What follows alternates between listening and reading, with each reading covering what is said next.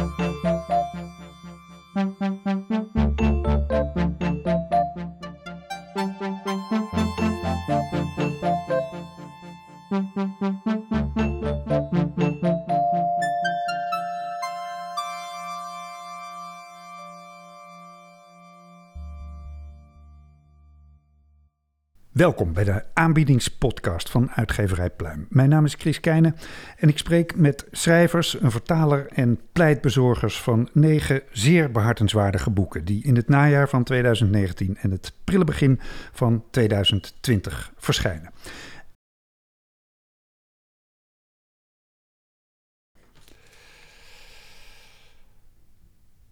Mijn vijfde gast is Thomas van der Meer. Hij schreef Welkom bij de club. Nou, Thomas, welkom. Dankjewel. Um, bij welke club? Bij welke club? Ja, dat is uh, de vraag. Het uh, boek gaat over een uh, transseksuele jongen. Mm -hmm. En als kind heeft hij al het gevoel dat zijn lichaam niet bij hem hoort.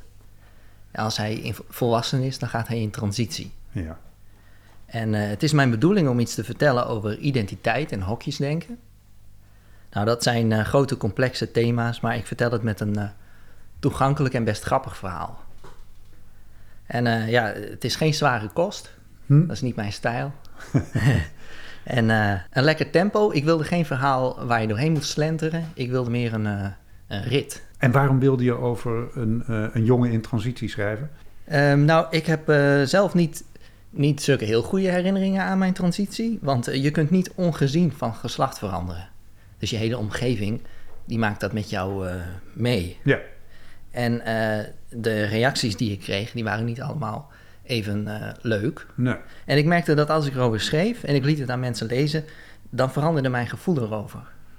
Dus ik gebruikte mijn negatieve ervaringen om, um, voor iets, iets nieuws. Ja. En daardoor werden ze nuttig. En ja. ook veel acceptabeler.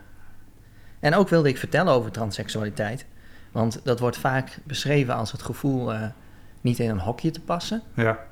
En um, die hokjes, dat zijn dan maatschappelijke ideeën over mannelijkheid en vrouwelijkheid.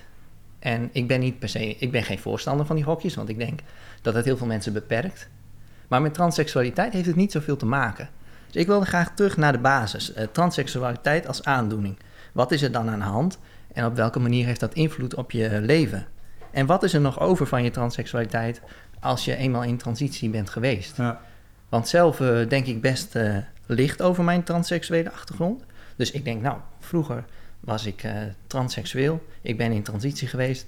Nu zie ik uit als een man en ik uh, voel me zo, dus het is opgelost. Maar voor de buitenwereld wordt het nu pas een probleem. Uh, en dan moet ik er mee rondlopen als een soort geheim. En eigenlijk is dat heel merkwaardig. Ja. En ik wil dan dat als mensen mijn boek lezen, dat zij dan ook denken, ja, dat is eigenlijk heel merkwaardig. dat klopt niet. En je wil, dat zei je al, dat het, dat het een licht en vrolijk uh, boek moest worden. Ja. Er, er wordt in uh, de, de, de folder waarmee het boek wordt aangeboden, uh, wordt een vergelijking met The Office gemaakt. Want het, het gaat veel over kantoor. Hè? Je beschrijft ja. veel kantoorscènes. Um, ja, hoe, hoe, hoe maak je het? Was het moeilijk om het licht te maken? Of... Um, nou, nee, dat, dat, dat heb ik niet heel bewust gedaan, dat, dat licht schrijven. Uh, ik had wel van tevoren bedacht dat ik wilde dat het een licht boek werd. En uh, dat het een boek zou worden waar lezers om konden lachen. Maar het is niet dat ik tijdens het schrijven dacht: oh, nu ga ik een, uh, een grappige scène schrijven. Hm. maar ik denk dat de scènes die grappig zijn geworden, dat dat komt door de combinatie van humor en tragiek. Dus als ik een, een komische situatie beschrijf, dan moet er altijd iets tragisch tegenover staan. Um, als de nadruk te veel op het tragische ligt, dan wordt het sentimenteel. En als het komische de overhand heeft, dan wordt het melig. En dat willen we ook niet. Dus het gaat om, uh, om uh, die uh, balans. Kan je een voorbeeld geven van een vrolijke scène die ook tragisch is? Ja. Misschien uit je eigen leven of uit het boek. Of misschien zit er wel een scène uit je eigen leven in het boek. Nou, laten we dan... Ja, de, de, in het boek, um, de hoofdpersoon is in transitie. En zijn manager op kantoor komt voor een uh, dilemma te staan.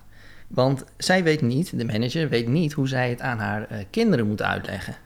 Dus zij is bang dat zij de kinderen op ideeën brengt, dat ze er iets aan uh, overhouden. En de hoofdpersoon zegt, nou je hoeft het niet uit te leggen, want het zijn kleuters. En um, zij kennen mij helemaal niet. En dan zegt die manager, ja, maar ik ben zo benieuwd hoe ze op jou reageren.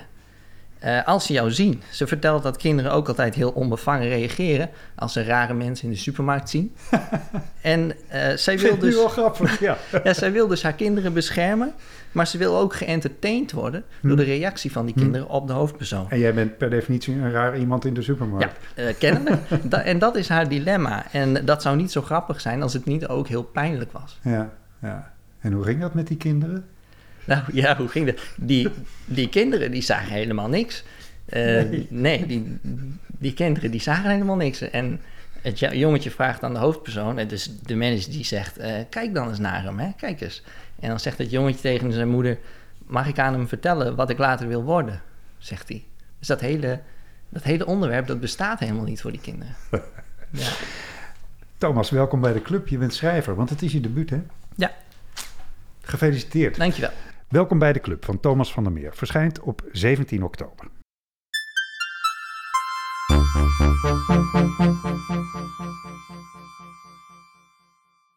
En dit was bijna de aanbiedingspodcast van uitgeverij Pluim. Ik geef u nog één keer alle titels en schrijvers van de negen besproken boeken. Audrey Lord, Sister Outsider, Kwame Anthony Appia, De Leugens die ons binden, Hans Steketee, De Warnau, Swordkill met het Smibbenese woordenboek 2.0, Thomas van der Meer, welkom bij de club, Esther Kinski, Kreupelhout, John Jansen van Galen, Fiasco van Goede Bedoelingen, Hanna van Binsbergen, Harpy en Maarten van der Graaf met Nederland in stukken.